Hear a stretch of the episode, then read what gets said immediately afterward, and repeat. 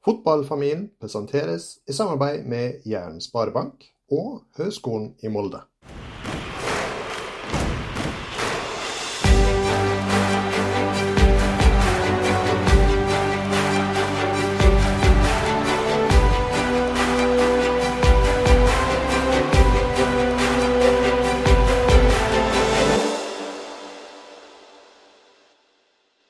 Velkommen til Fotballfamilien, en podkast for deg som er glad i fotball. Mitt navn, som alltid, Anders Solfjell Gjerseth. Og som alltid oppe i Molde sitter en liten julenisse. Og det er Sander Gjerseth. Altså, jeg prøver stadig på dårlige kreative introer. Du, går det bra der oppe? Ja. Forferdelig dårlige resultater av fotballklubben der oppe? Nei, nå begynner det å bli bedre. Ja, jeg vet ikke, jeg. Eh, du, i dag har vi en eh, endelig, får jeg si, en kvinnelig gjest med igjen. Du har vært god som har eh, hanka inn en spennende kvinne til podkasten. Ja, det er jo vår tidligere gjest Kasper Kvello som, som anbefalte dere dagens gjest. Ja, vi har jo snakka om det når vi snakka både med Spesielt når vi hadde eh, Maria Thorisdottir, så sa vi jo det at vi ønsket på en måte liksom å få bedre eh, kjønnsbalanse her. Og så hadde vi en kjempespennende med står helt stille i hodet mitt eh, når vi hadde med henne fra Sotra. Renate Blindheim. Renate Blindheim. Det var jo en av de kjekkeste episodene jeg har hatt. Så i dag så er vi så privilegerte i tillegg å få lov å ha med det som vi da etter hvert etablerte som en felles uh, Langevåg klubb, eh, siden både jeg og Sander har ana derifra, så skal vi si velkommen til Cecilie Fiskestrand. Tusen takk, veldig kjekt å være her. Du, eh, nå har vi jo funnet ut at eh, vi alle har røtter i Langevåg, men eh, du skal jo få lov å introdusere deg litt mer til det breie fotballpublikummet. Hvem er Cecilie Fiskestrand? Ja, det er, er nå ei jente fra Langevågen, da. Verdens beste sted. Som har eh, vokst opp der og eh, fått spilt, spilt fotball. Og spiller nå i dag i LSK kvinner og for det norske landslaget. Så ja. Fotball er livet. Fotball er livet. OK, men du eh, Litt sånn mer detaljert. Du starta i Langvåg, men hva er liksom karriere? Bare så vi får høre litt sånn hvor du har, hva har vært din karrierestige opp dit du er i dag? Eh, klubbmessig så begynte jeg i Langvågen. Så spilte jeg med guttene der fram til jeg var 18. Og da flytta jeg til Oslo og spilte i Stabekk. Og så dro jeg til Lillestrøm, og så var jeg i Lillestrøm et par år. Eh, og så dro jeg til Brighton i England og spilte der i og et år. Og så nå er jeg tilbake i Lillestrøm. Og så har jeg vært landslagsmessig på hele landslagsskolen med jenter 15, 16, 17, 19, 23 og A-landslag de siste nærmer seg ti år. Ja, OK. Men Så du har vært borte og kjent på profflivet òg? Ja.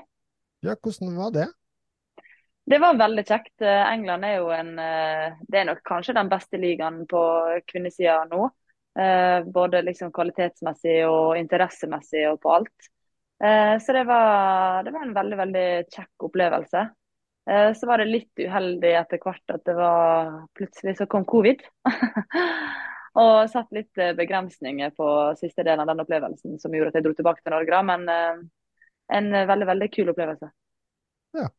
Du er litt sånn der du er. Ser du for deg på en måte at du kommer til å avslutte her i Norge, eller ser du for deg at du kan plutselig ta et nytt utenlandseventyr, eller?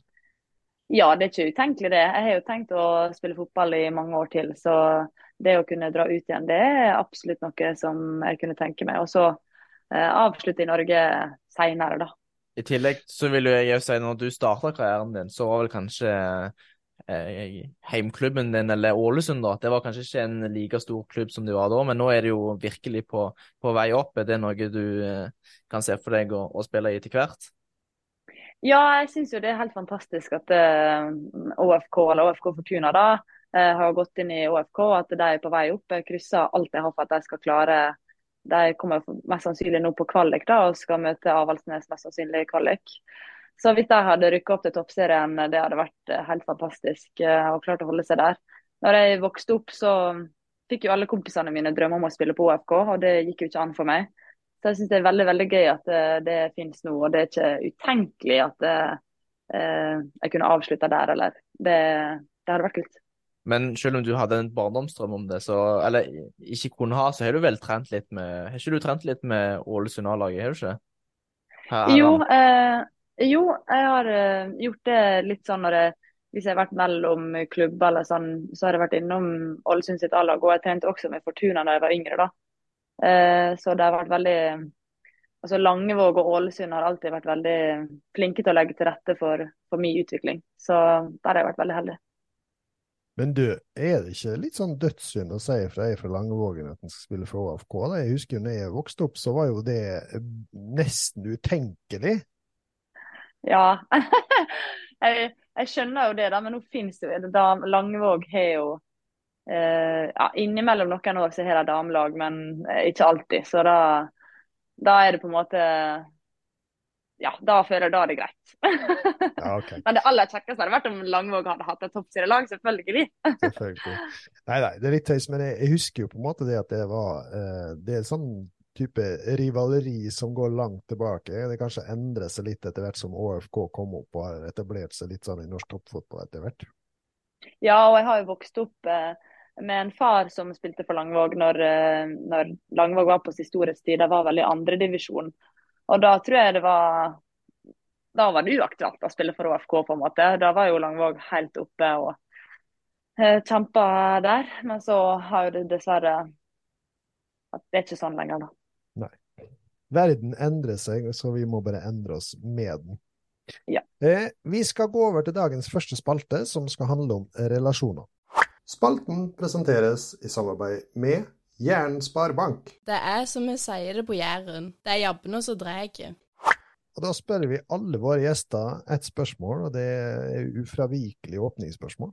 Hva legger Cecilie Fiskestrand i ordet relasjoner?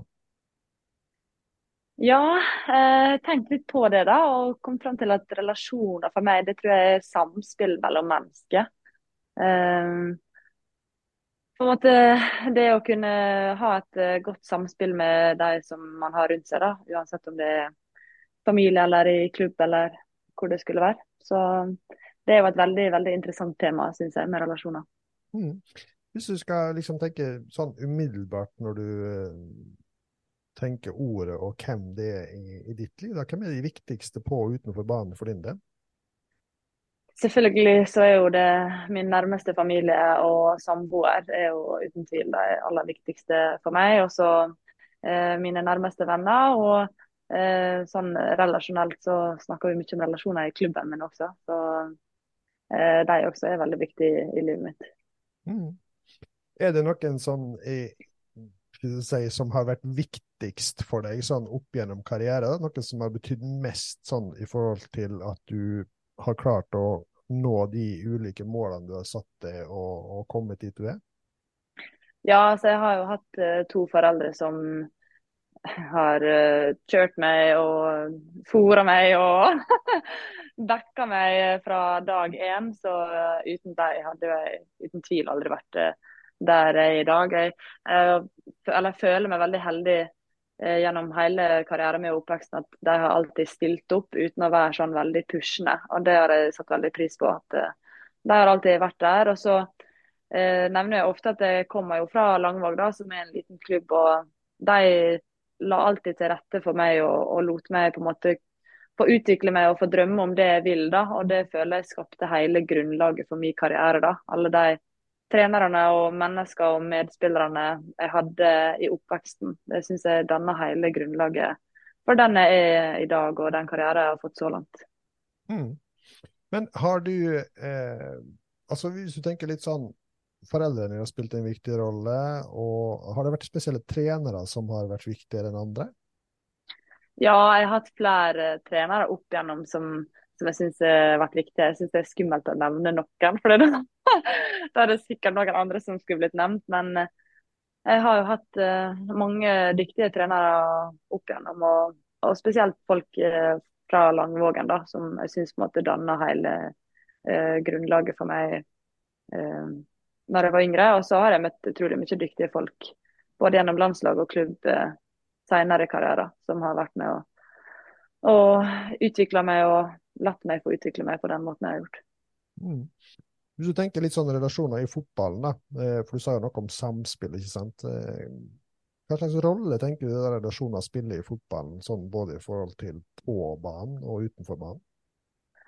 Jeg tenker at det, det, spiller en kjempestor rolle. Vi snakker veldig mye om relasjoner eh, i Lillestrøm. og på banen så blir det mye bedre flyt, synes jeg, når man har gode relasjoner. At det, eh, det, blir en stor trygghet. Og da går ting litt mer på automatikk, fordi man kjenner eh, de man har rundt seg. Man vet eh, styrkene og svakhetene deres. og hvordan, Hvis de har en dårlig dag, hvordan skal vi påvirke dem til å kunne prestere bedre?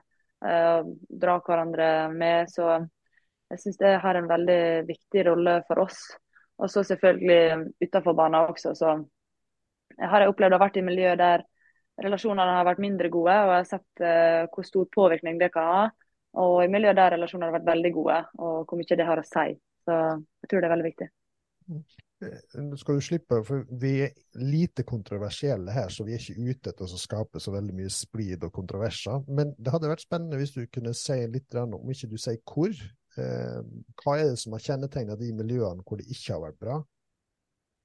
Ja, det har jo vært eh, hvis det har vært på en måte litt sånn splid i gruppa og eh, en del konflikter eh, som ikke har blitt håndtert eh, på en god måte. da.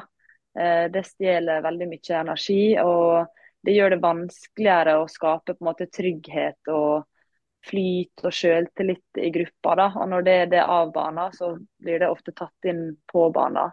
Um, og da er det vanskeligere å prestere, da. Mm. Så det har vært uh, veldig interessant. Skulle jeg, si. jeg skulle nå gjerne vært foruten, men det var veldig interessant å være med på det. For at jeg har alltid tenkt at sånn Nei, men det det har ikke så stor påvirkning. Men uh, da fikk jeg se at uh, jo, det virkelig har det stor påvirkning på, på prestasjon. Mm. Jeg husker jo vi eh, Renate Blindheim som trener menn, og som eh, kanskje har vært mest involvert i, i herrefotball. Så spurte, husker jo Sander spurte om hun kunne tenke seg å trene f.eks. da eh, det som nå er Brann kvinner, ikke sant. Og eh, så husker jeg, jeg husker ikke, jeg skal ikke henge ut Renate og si at jeg husker eksakt hva hun sa, men hun sa noe om at hun syntes det var lettere å forholde seg til menn i mannlige miljøer, for det var mindre kontroverser og, og liksom, intriger. Eh, er det noe Du har jo trent med gutter, f.eks., eh, i store deler av eh, utviklingsstigen din. Er det noe du kjenner igjen, eller tenker du at det er noe som er mer forskjellig fra miljø til miljø? Jeg føler det er en litt sånn typisk ting å si. At det er litt sånn Vi nesten blir påvirka i samfunnet til å komme eller si sånne ting. Jeg vet jeg har vært i har, har kjent til og vært, en, vært, og trent med flere herremiljøer der det både har vært kontroverser og konflikt. Så Det tror jeg finnes overalt. Så jeg tror det er veldig fra miljø til miljø. Jeg har vært, de aller fleste kvinnelige toppidrettsmiljøer jeg har vært i, så har det ikke vært mye konflikt. Det har bare vært den i det ene. Eh, så jeg føler det er litt sånn typisk eh, ting å si. Eh, jeg tror det kan smelle like så godt eh, i herregarderobe som i damegarderobe. Så ja, jeg vet ikke helt. Jeg tror ikke jeg er helt enig i det. Nei, men understreke det, Renate, hvis du hører denne. Så uh, jeg understreker, jeg skal ikke eksakt huske hva hun sa, men jeg husker i hvert fall at vi snakket Nei. om det, at det kan være noen forskjell på det å trene menn og trene kvinner. Eh, ja. Er det noen sånne type forskjeller som du ser som kvinnelig toppidrettsutøver, som er mer eh, kjennetegna kvinner versus menn, da? Ja, eller miljø, Miljøer, for den saks skyld? Den største forskjellen er, er, vel kanskje at ressursene er mindre, da. Og det, det har jo sine konsekvenser, åpenbart, på en måte. Um, så det syns jeg kanskje er den største forskjellen. Det har vært veldig interessant å sett hvordan det hadde vært med en mer likedelt uh, ressursfordeling. Mm. Og sett hvordan uh, toppidrett i ikke bare fotball, men mange idretter hadde fått utvikla seg, og hvordan miljøet hadde vært da. Ehm, så det er nok den største forskjellen. Men jeg har opplevd at jeg har fått flere trenere som kommer fra herrefotballen. F.eks. nå med André Bergølmo, som er trener hos mm. oss i Lillestrøm. Alle jeg har opplevd eller har møtt som kommer fra herrefotballen og inn i damefotballen, er bare positiv, liksom overraska, da. Eh, Mm. man kommer jo gjerne med fordommer og, og sånn, og, og de, alle jeg har snakka med, i hvert fall eh, blir veldig positivt overraska og, og opplever ikke sånne ting som man kanskje kan tenke seg. da, At eh, ja, det er mye konflikt, og det, man, man kan ikke si ting for folk blir lei seg, eller sånne typiske fordommer da, som man kanskje kommer inn med. Hvis jeg kan komme inn på noe litt annet, og eh, du nevner det med, med litt begrensa ressurser. og Nå vet ikke jeg hvordan dere har det i Lillestrøm, men jeg kan jo tenke meg at sikkert ikke alle kan leve av fotball, og noen kan ikke leve av fotballen. Så liksom, hvordan er det det påvirker relasjoner når det kanskje er litt eh, forskjellig eh, på hvor mye tid eh, hver enkelt spiller og kan dedikere seg til fotballen? Om du skjønte hva jeg mener? Ja, jeg skjønner veldig godt hva du mener. og Det er et kjempeinteressant spørsmål. Akkurat nå så begynner heldigvis toppserien å bli sånn at de aller fleste lever av det. Men noen må selvfølgelig fortsatt jobbe ved siden av. Men jeg har vært med på eh, Gjennom karrieren min så har jo ikke det alltid vært sånn. Eh, og det syns jeg har en ganske stor påvirkning, fordi totalbelastninga til de på laget blir veldig forskjellig. Noen må jobbe kjempemye ved siden av, og det er klart at da får de et mye større totalbelastning som gjør at de ikke kan alltid komme inn med samme energioverskudd og eh, sånne ting som må bli tatt hensyn til. da. Så det syns jeg har hatt sin påvirkning eh, tidligere, heldigvis i mindre og mindre grad. Men det blir jo litt sånn naturlig da, når noen må jobbe 15 timer i døgnet, liksom, inkludert med fotball, eh, for å, for å få det til, på en måte. Så det er klart at det har ikke påvirkning. Ja, hvordan grad er det det, det legges eh, altså til rette for det, eller altså du tilpasser? Hvordan er det man kan tilpasse det når det er så forskjellig? Ja, tidligere så, har, så måtte vi på en måte tilpasse hver enkelt at folk eh, måtte få dra på jobb eller på skole, eller kanskje ikke kunne være med på alt. Mens nå, eh, når det har blitt mer profesjonelt, så, så er det mindre tilpassing. da. Nå er det mer sånn, nå må du, skal du være med, så må du være med. på en måte. Nå er det, dette jobben din, og du får mer og mer betalt ut ifra det. Men det er jo fortsatt, vi har jo f.eks. videregående eh, elever. Eh, og når de er midt i eksamensperioder, så er det klart at de må jo få lov å ta eksamen. Eh, så da må de ha eh, tilrettelegging for det. Og det går jo utover når vi vi har ganske mange, eller vi hadde ganske mange som gikk i tredje klasse videregående i fjor på våren. Og da var kampprogrammet vårt veldig tett. Vi spilte onsdag, lørdag, onsdag, lørdag nesten hele våren. Og når på en måte fem stykker skal da ha eksamen og ikke er på trening eh, tre uker på rad, så har det en påvirkning eh, på laget. Det, det har det. Mm. Jeg føler jeg må komme med en liten uh, nyansering. Nå følte jeg liksom at jeg framsto som en sånn konservativ fossil som uh, prøver å få fram at det er ekstre, ekstreme forskjeller på kvinner og menn her. Men, men litt av grunnen til at jeg spør, skjønner du, er det med både i forhold til Forhåpentligvis så lytter det folk til denne podkasten som òg er trenere, og kanskje òg altså om det enten er for aldersbestemte eller, eh, eller eldre, så er det noe med å forstå de mentale aspektene med fotball, og hvordan den tikker litt forskjellig. Eh, og jeg tror det som vi egentlig var inne på når vi snakket med Renato òg, er jo på en måte at veldig mange av de trenerne vi har snakka med, har jo lagt fram det der med relasjonell betydning, trygghet, tillit, respekt, lojalitet som på en måte sånn grunnpilarer i, i å lykkes som lag. Og at en da kanskje må skal si, skape trygghet på litt ulike måter. Mm. Og, og, og så tenker jeg vi har noen fellesnevnere tror jeg, for alle prestasjonsgrupper, uansett om det er kvinner eller menn. ikke sant?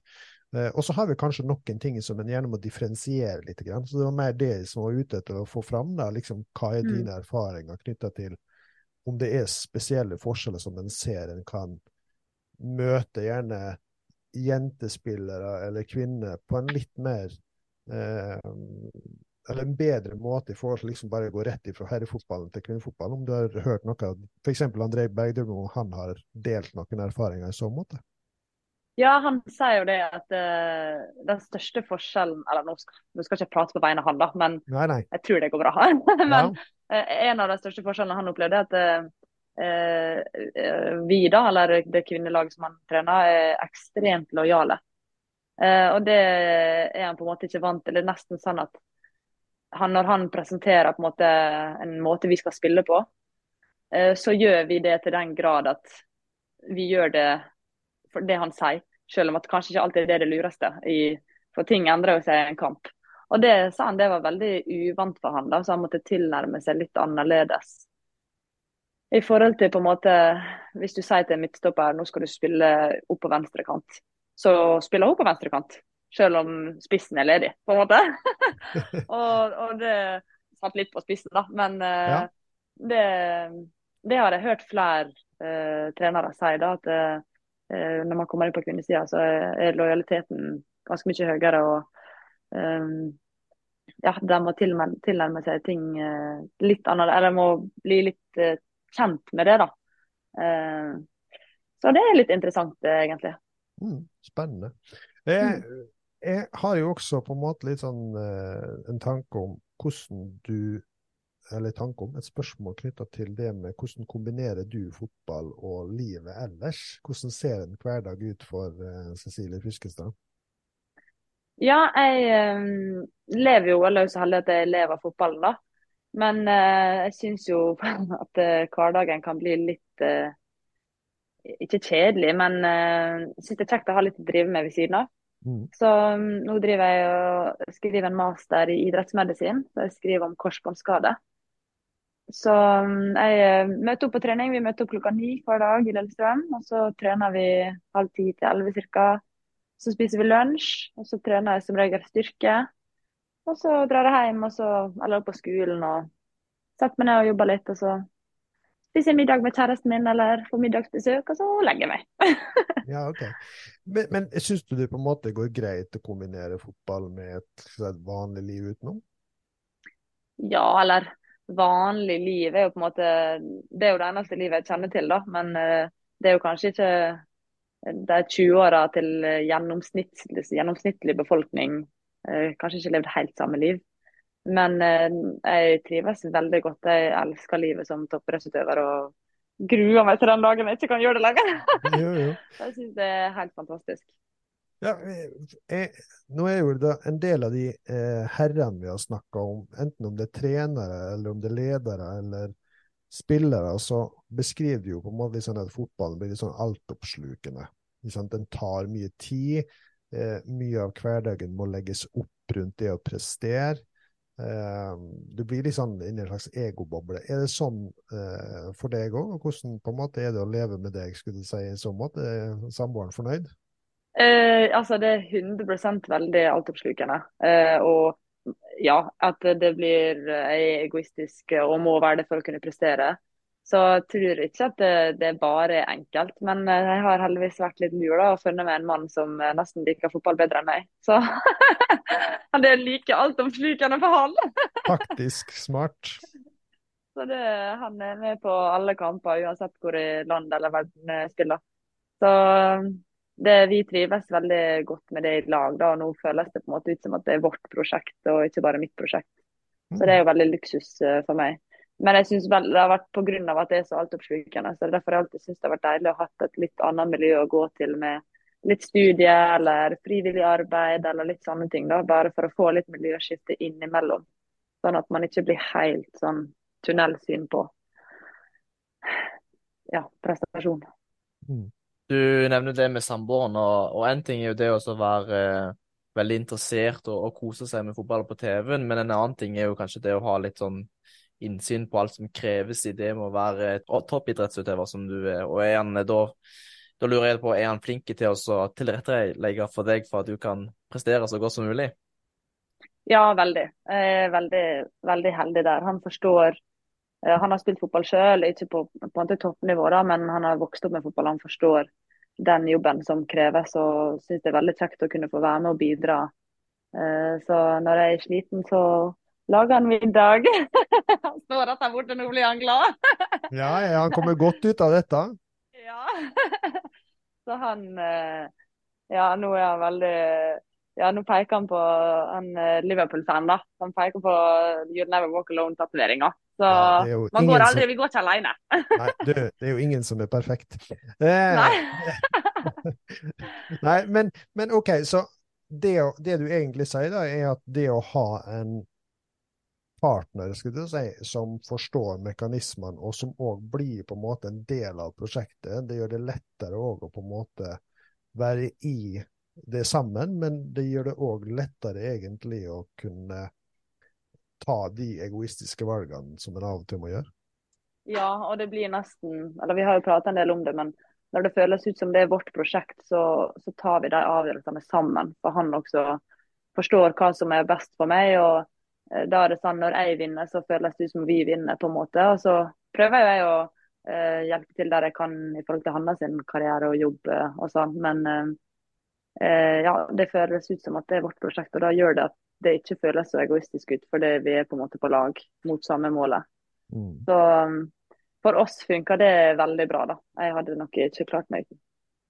Du, det her er god læring. Det her er jo liksom eh, helt i tråd med hva jeg driver med hver dag. Så det her er, Ja. du, må bare holde, du må bare holde på han der, altså. Det, det, han Ja. vokser, de vokser ikke på trær. Nei. Eh, Jeg har lyst til å, Før vi går over på neste spalte, så har jeg lyst til å ha et eh, spørsmål til deg. fordi Jeg har jo lest at du på en måte hadde en eh, korsbåndskade, stemmer ikke det? Mm. Det er liksom litt av grunnen til at du òg har valgt det som en master? Ja, eh, 100 For det, var jo en Korsbåndsskade var, var knalltøft. Eh, veldig, veldig tøff eh, eh, opplevelse, egentlig. Så, eh, så var jeg så heldig å få være en del av ei knegruppe, da, som det heter, på Olympiatoppen, sammen med andre kneskadde toppidrettsutøvere. Og det syns jeg var så eh, positivt eh, for min rehabilitering. Da, at jeg skal skrive om det, da, om hvordan det er å rehabilitere korsbånd i gruppe, sånn at kanskje flere kan begynne å gjøre det for å få en bedre rehabilitering.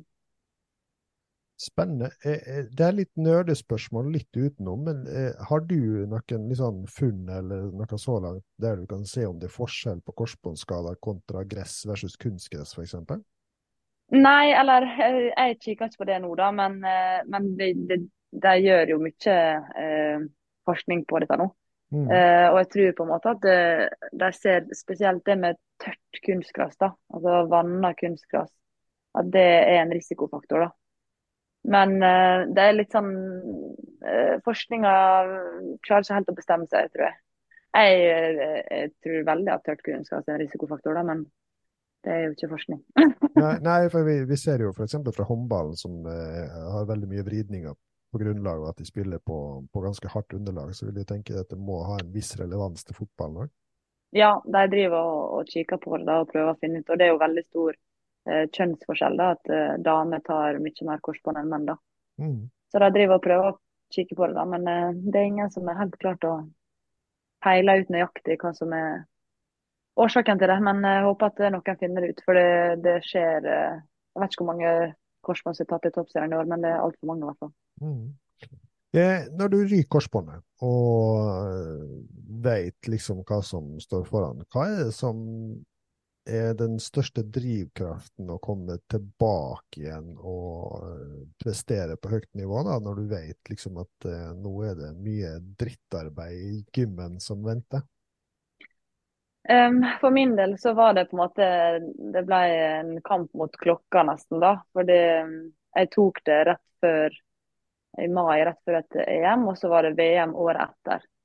Så det var uten tvil VM som var den største motivasjonsfaktoren. Jeg vet- ikke hvor mange knebøyreps jeg har tatt der jeg har tenkt sånn Skal du til VM? Ja, OK, da er det bare å ta knebøy.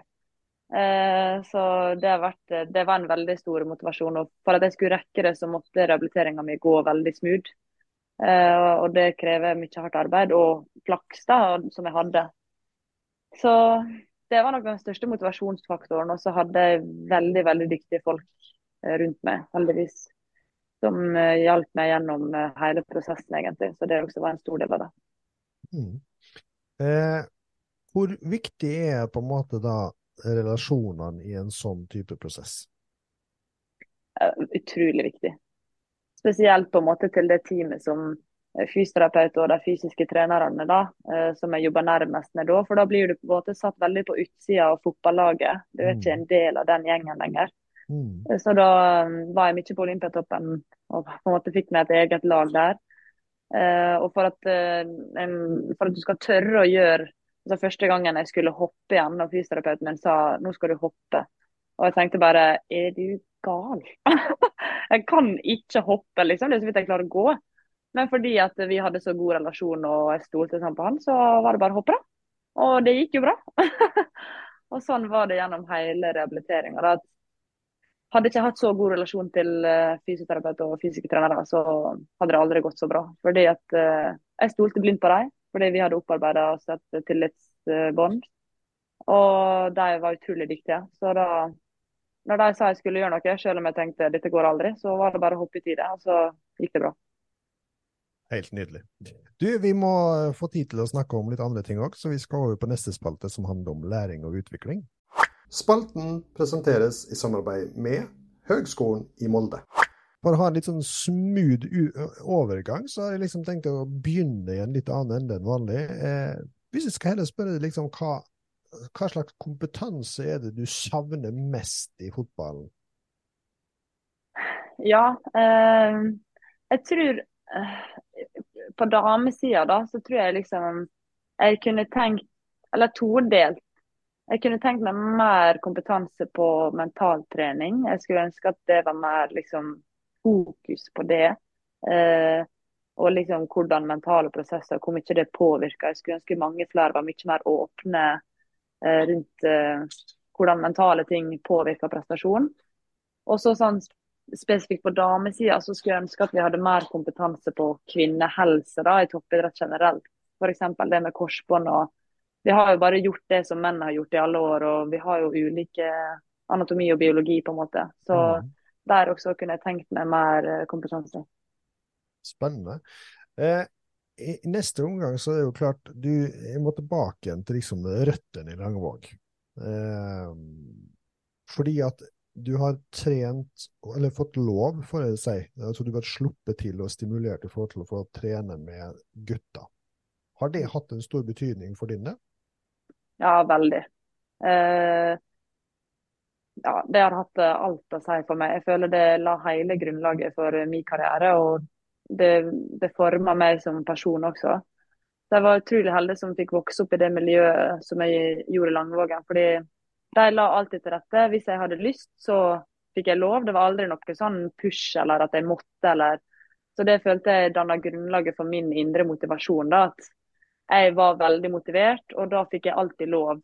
Eh, og så ble jeg bedre. Og så bare vokste den eh, det bare fikk, fikk gro eh, inni meg. da, At uh, jeg hadde lyst, og så ble det lagt til rette til. og Så fikk jeg jobba hardt, og så uh, gikk det bra. og Så kunne jeg ta neste steg. Uh, og det å spille med guttene, Jeg var veldig heldig med de guttene jeg fikk spille med. De behandla meg alltid som en likesinna. og de backa meg veldig og syntes det var veldig kjekt når jeg fikk komme på landslaget og sånne ting. og føler alltid at de har heia meg veldig fram. da, så ja, det har hatt veldig mye å si for meg. Uh, jeg har jo en som jeg, ei jente som jeg har gått i, i, på ungdomsskole med i noen år, og uh, som spiller på Stabæk nå. Hun spilte mye med, med oss på, på, guttelaget da, men uh, hun var UD-spiller. Hva er forskjellen på det å være keeper da, kontra UD-spiller? eller liksom hva som kan være positivt med å trene med gutter? Ja, jeg tror på en måte det er klart at det å spille med gutter tempoet er jo høyere, for det der er jo noen fysiske forskjeller som gjør at det blir helt naturlig. og Da får vi utfordre oss på en veldig god måte. Og så er det nok en fordel. Jeg trente jo med guttene til jeg var 19 eller 18 før jeg flytta, og så har jeg trent med gutter og herrelag eh, i alle klubbene jeg har vært i, både Stabæk og Lillestrøm. Eh, og da tror jeg det er en fordel for meg som er keeper, fordi at jeg går jo ikke så mye fysisk inn i duellene. Sånn at Der er jo en fysisk forskjell som gjør at det kan på en måte være økt skaderisiko. da, for i hvert fall når det blir ei dame mot voksne, store menn. på en måte. Men den risikoen er ikke like stor for meg som står i mål. for Så lenge ikke man har dødballtrening og sånn, så, så er ikke den like stor. Så da syns jeg på en måte at det fungerer veldig godt. Og i keepertrening så er jo det ingen problem.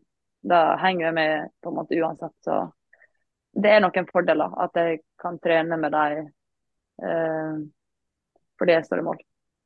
Jeg, eh, kanskje det blir litt for stort spørsmål for en podkast som denne, og det, det, er kanskje litt urettferdig at du skal ha store betraktninger om hele dette, men, men min opplevelse når jeg ser på f.eks.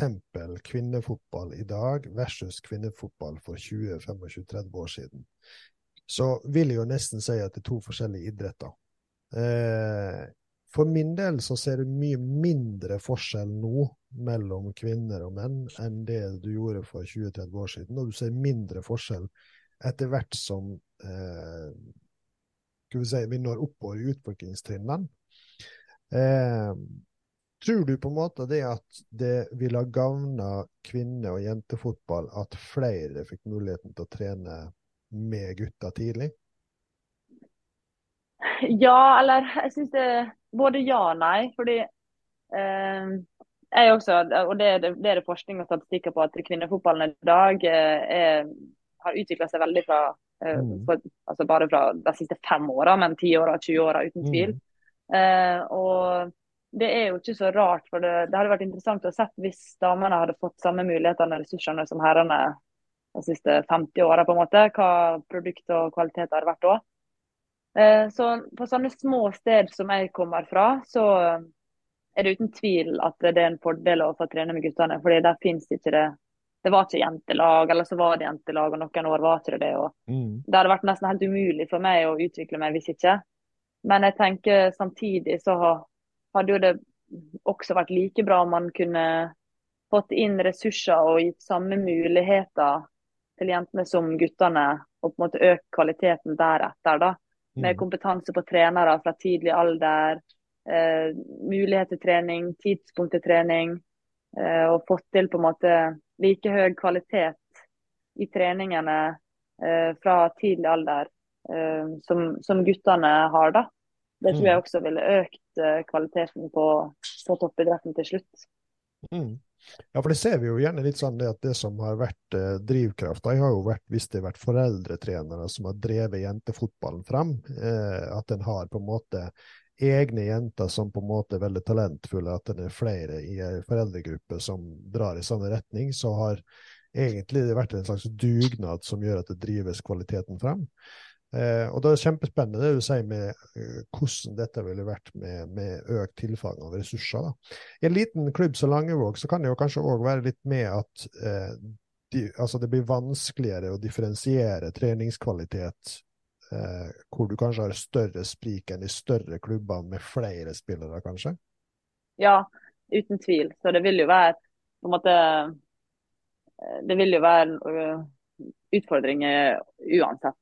Og og noen klubber vil være så små at det, nesten, at det er så få som bor der at det vil nesten være umulig. at Der må man bare gjøre det beste ut av det man har. Men uh, det har vært interessant å se, selv om jeg syns det uh, foreldretrenere gjør og driver fram er veldig veldig bra. så man skal ikke ta fra dem noe, men det har bare vært interessant å se hvis uh, mulighetene for de yngre jentene og guttene hadde vært helt like, da, hva som hadde skjedd for kvaliteten og utviklinga av eh, damefotballen. da.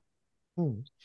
Eh, se, ser du noe litt sånn forskjell modningsmessig? For, for du var inne på det mentale, f.eks. At du savner litt av, av det i toppfotballen. Men tror du på en måte det også hadde vært en ressurs nedover på, på, eh, med tanke på på aldersbestemt? At en hadde mer kompetanse og forståelse for de mentale aspektene i, i fotballen?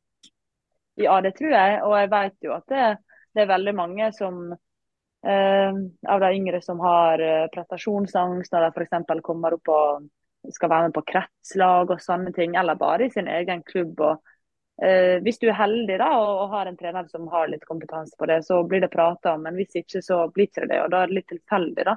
Og jeg tror det, det finnes jo flere eksempler på folk som faller fra fordi at det mentale presset blir for høyt, enten man legger det på seg sjøl eller om man føler det fra eh, de rundt. Så jeg tror bare det å prate om det i tidlig alder eh, kan bare ha positive effekter, tenker jeg.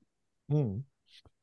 Eh, hvis, du, ser tilbake på din egen utviklingsstige, eh, er det noe du ser Nå har du på en måte fått en ganske bra karriere, men er det noe som på en måte kunne vært til hemsko eller bremsa utviklingen din, eller, noe som kunne kanskje fått ekstra mer eh, De siste prosentene ut av det som gjorde at du liksom utvikla det enda raskere? Er det ting du på en måte tenker tilbake på som kunne vært annerledes, eller er du egentlig ganske fornøyd med hvordan ting var? Nei, jeg er jo, jeg er jo veldig fornøyd med liksom, øh, min oppvekst og de mulighetene jeg har fått, men det er jo alltid mm, rom for forbedring. Og jeg tror det med f.eks. fokus på mental trening eller de mentale prosessene, hvis jeg hadde liksom eh, begynt å prate om det i litt tidligere alder, så kunne det ha gjort meg mer eh, utviklingsorientert og robust tidligere. da. Eh, så det kunne vært veldig interessant eh, hvordan det kunne ha påvirka. Nei, det er jo vanskelig å si, da, men eh, eh, hvis jeg hadde gått tilbake, så hadde jeg nok gjort det, tror jeg. Mm. Det er spennende tema. Eh, litt sånn, Jeg har lyst til å utvide litt med å spørre deg med eh, har, du har inntrykk av at du sier du ble ikke pusha. Eh, hvor viktig var på en måte det med leik i fotball, eh, trivsel, miljøet du var en del av for deg når du var yngre, hva slags rolle har det spilt for at du kom så langt som du gjorde? Jeg syns det har spilt eh, en kjempestor rolle. Jeg føler meg veldig heldig som har fått lov til å bare ha det vært den indre driven, da, eller det inni meg som har drevet meg hele tida. Og det er fordi jeg syns det har vært veldig veldig kjekt å spille fotball. Og jeg har vært heldig og hatt eh, folk rundt meg og lagkamerater som jeg syns det har vært veldig kjekt å spille med. Og når vi vokste opp, så var vi, når det ikke var trening, så var vi oppe på banen. Og så dro vi ned og kjøpte sjokomelk og boller på butikken. Og så var det opp igjen og spille firkant og eh, få lov å bare leke oss og drømme om å spille på Manchester United og bare utvikle oss i leken. da. Eh, og Det syns jeg har vært veldig viktig, og jeg føler det har lagd veldig grunnlaget for min indre motivasjon. da, At eh, jeg har hele tida fått lov til å gjøre det fordi jeg syns det er kjekt. og det er jeg som vil det her. da, Det er ingen som har på en måte dytta meg eller du skal, du skal, du skal. Jeg har liksom bare fått lov å gro min egen motivasjon. og det hjalp meg veldig f.eks. i korsbåndsperioden, der det måtte stå, det var trått og måtte stå i gymmen. Men da hadde den så fast i, i ryggmargen at det, det, gikk fint. For det, den motivasjonen og disiplinen har bare fått vokst og opparbeida seg og blitt sterk. Når du nevner litt sånn med det du drømmer og, og sånn når du blir, er mindre, eh, nå er det kanskje litt eh, annerledes, men eh, ikke Eller litt mer ut ifra deg, da, men mer generelt. Så eh, unge jenter som vokser opp nå, tror du det er en annen motivasjon, eller liksom det er noe større og mer å se fram til når du det som kontra det som kunne for ti år siden drømme om å spille om Brann, eh, spille på Brann, mens nå kan de liksom spille på Brann på Brann stadion. Tror du det er noe noe annet? Kunne det vært noe annet for deg, f.eks. hvis det, OFK Fortuna hadde hatt et kvinnelag der det er nå, når du vokste opp? Ja, 100% Altså, Jeg syns det er så kjekt. og Det er kanskje det, det viktige, det brenner mest for med at man skal få fram kvinnefotballen. Det er fordi at de unge jentene som vokser opp, skal få lov å se at du kan bli profesjonell fotballspiller som dame. Du kan få spille på Brann, på Lillestrøm, på Rosenborg. Du kan få spille på Barcelona, på Liverpool, på Manchester United, og de får spille på disse store stadionene som herrene gjør det. Og jeg synes Det er så fantastisk at eh, ja, du nå du ser kvinnelige utøvere i alle idretter, men i fotball spesielt, er på TV. Og jeg tror at det er jo ingen tvil om at det, sanne ytre faktorer påvirker motivasjonen for mange. Det gjorde det for meg også. Jeg var bare så naiv når jeg var liten at jeg tenkte at jeg skulle få spille på herrelaget. og de langvågen lot meg bare få drømme om det, selv om de tenkte ja, ja. Men eh, jeg er bare så glad for at det, ja, den, eh, at de som vokser opp nå, kan få se det og få drømme om det og få jage etter det. da, Og det er helt realistisk. Det syns jeg er helt fantastisk. Og litt inne på det samme. Eh, nå har vi jo i toppserien kanskje litt mer eh, endring nå siste årene spesielt, men jeg føler sånn type Arna Bjørnar eh, Ja, nå kommer jeg ikke på så veldig mange i, i fart her, men det er mange av de samme lagene som har vært der i mange år, som kanskje ikke har et veldig bra eh, herrelag, da. Så, og tror du de store eh, klubbene på herrelagssida eh, gjør at det tjener på kvinnesida at de kommer opp og satser? Eller tror du det, eller, hos, eller vil du ha det sånn som det har vært med de litt mindre klubbene som er litt egne på kvinnesida, da?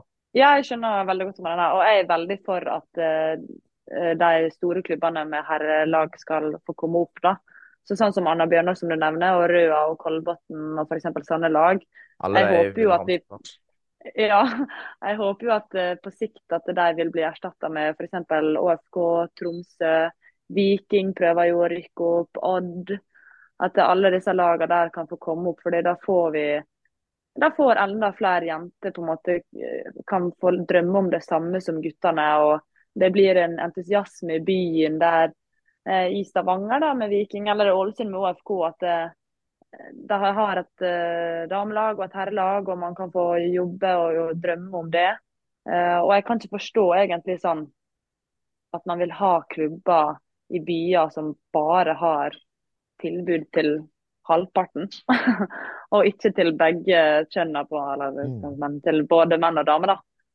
Uh, så jeg håper veldig Du ser jo bare i England hvor det skjøt fart etter at man fikk opp de lagene som har store herreklubber. da. Og det har jo bare eksplodert. Jeg så nå på søndag skal United spille mot City på Old Trafford, og det er solgt over 40 000 billetter allerede. Så det har jo en effekt. Ja, og så tror jeg det at jeg, jeg syns det er et kjempespennende tema i seg sjøl. Eh, ikke minst i forhold til at det blir jo fort ei sovepute som skaper stagnasjon hvis de samme klubbene år etter år eh, med de samme ressursene klarer å skape de samme resultatene. Mens hvis nye klubber kommer opp og tar litt ledninga, så, så, innebærer jo det at de klubbene som tradisjonelt sett har vært der, må tenke på en annen måte for å utligne de forskjellene som gjerne ligger på økonomi.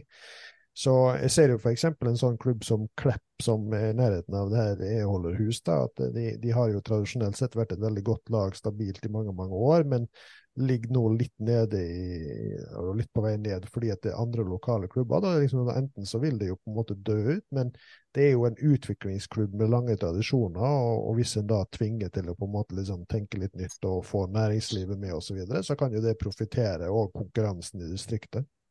Ja, helt enig. Vi drives jo framover av konkurranse, ikke sant? sånn at det, det, det er jo liksom der utviklingen ligger. Ja, ja nei, veldig enig. Og det så jo du Eh, Trondheimsøren ble jo Rosenborg nå mm. Eh, for et par år siden. og Trondheimsøren er jo en, en, klubb med lang historie på kvinnesida. og Man skal ikke ta fra deg det at alle de klubbene har gjort veldig mye for damefotball, men det får et løft når det blir Rosenborg. da, for Det er noe annet å kunne drømme om det å spille på Rosenborg og være Rosenborg-spiller i Trondheim, sammen med Brann og Sandviken i Bergen. Du ser for et mm. løft de har fått. og det er for deg å kjenne på å spille for Brann når du har vokst opp i Bergen, det er noe ekstra. Mm. Eh, så ja. Absolutt. Eh, litt sånn, Vi må passe på å gå litt sånn inn for landing etter hvert, men, men før vi helt lander eh, Hvis du skal tenke på Jeg er jo veldig opptatt av litt sånn store sammenhenger i livet, da, og ser jo at mange unge mennesker generelt sett, uavhengig av fotball eller ikke, eh, strever litt med mye prestasjonsfokus, mye mestringspress sammenlignes med hele verden. Og vi vet jo noe om at uh, Vi skal snakke om kjønnsforskjeller, så vet vi noe om at jenter gjerne nok på en måte er mer sårbare for det enn gutter. Ikke at ikke gutter er sårbare for det, men, men vi vet biologisk at det er noen forskjeller der. Eh, tenker du at det kan bli for mye alvor for tidlig, også med tanke på at eh, det blir så veldig mye fokus på det der med mestring og prestasjon? Ja, og jeg ser jo det på en måte på de som kommer opp nå. Folk kommer opp veldig tidlig eh, og får veldig stort fokus eh, på seg. Og det er ikke bare bare for en 15-16-åring å skulle bære alt det eh, fokuset og støyet som, som, kommer med. da. Så jeg tror absolutt det er noe som vi må nødt til å ha, være obs på og ha fokus på framover, så vi kan få ta vare på de som eh, kommer opp. Vi så jo sammen med Martin Ødegaard da han var veldig ung. liksom. Det var jo et sirkus uten like. og Nå var jo han litt spesiell, da, men det er ikke alle unge mennesker som, som klarer å stå i det, og det skjønner jeg veldig godt. så det tror jeg er noe som vi må være veldig obs på nå som samfunnet utvikler seg og fotballen utvikler seg. At vi tar vare på dem. Eh, sånn at det, det, er mange som sånn at vi ikke mister på en måte bredden, og at folk ikke har lyst for presset blir for stort. Og, og mm. de som klarer å ta steget opp, at de ikke blir brent ut når de er 19, men at de kan holde på i mange år til. Mm. Og Da er vi vel egentlig litt sånn tilbake der vi starta, hvor viktig det er med mental trening og fokus også på, en måte på de psykologiske faktorene rundt fotball. Ja, 100 Og på relasjoner. Så vi starte mm. aller først med det at mm. man har trygge og gode mennesker rundt seg. Da. Det har veldig mye å si. Helt nydelig. Du, eh, jeg, liker jo alltid å spørre de som har så bøttevis med erfaring eh, som eh, det gjestene våre har. Eh, hva er dine råd til unge eh, jenter og gutter? Eh, men siden du nok har ekstra gjennomslagskraft på unge, lovende jenter, ikke sant? kanskje til og med ekstra på keepersida, hva er gode råd du kan gi til dem for på en måte liksom slå igjennom på toppnivå? Ja, Det er jo på en måte disse vanlige, da, at man må trene mye, og så må man like veldig godt uh, det man driver med. Og så tror jeg på en måte, eller det skulle jeg ønske at jeg på en måte ikke overanalyserer eller på en måte ikke ta inn alle inntrykk hele tida. Uh, hvis man spiller en dårlig kamp, så betyr ikke det at uh, karrieren er over, at det kommer nye muligheter. Så lenge man trener hardt, jevnt og trutt over tid, så kommer mulighetene til å komme. Så ikke stress om på en måte det blir litt stagnasjon eller litt dårlig periode. Det skjer med alle. Det skjer med meg, det skjer med folk i Premier League, det skjer med alle. Men så lenge man jobber jevnt og trutt over tid, så, så, får man igjen for det til slutt. Mm. Så eh, regner jeg med at når du har fått levert masteren din, så kommer det fram hvor viktig det er med god og solid grunntrening for å unngå skader, ja. ikke sant? 100 Veldig bra. Gode råd. Sånn siste spørsmål. Hvordan har det vært å være med oss i denne lille timen? Veldig veldig kjekt. Jeg blir jo alltid litt sånn stressa, for jeg er jo litt sånn, vi putter på en femøring, og så er det bare bla, bla, bla, bla, bla, bla. det liker vi. Ja. Men det er bare kjekt. ja, så bra. Håper vi har vært eh, greie med deg. Ja, veldig. Det har vært superhyggelig. Ja, så uh, kan vi heller snakke med samboeren din en gang, annen gang, sånn at uh, han kan få deg til å skinne like mye som du fikk han til å skinne. ja, det tror jeg hadde vært veldig kjekt. ja, det tenker jeg han hadde likt. Det hadde bare blitt Liverpool. Uh, ja. OK, eh, Sander. Har du noen uh, siste kloke ord, uh, spørsmål eller oppfordringer før vi begynner å runde av uh, kveldens sending? Først må jeg si det her en time gikk fort. Ja, den gikk sinnssykt fort.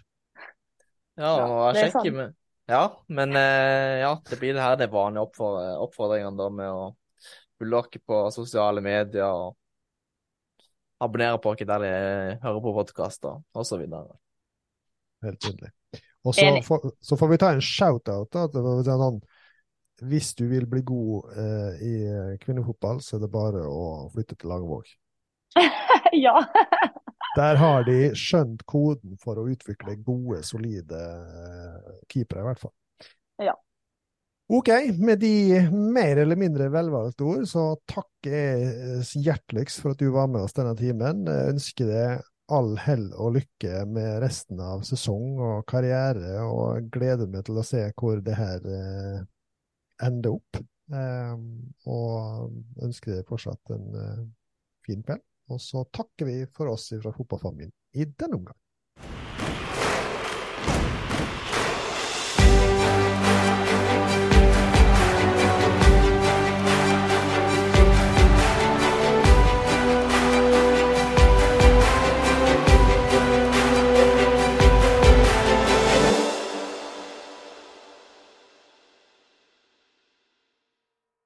Fotballfamilien ble presentert i samarbeid med Jæren Sparebank og Høgskolen i Molde.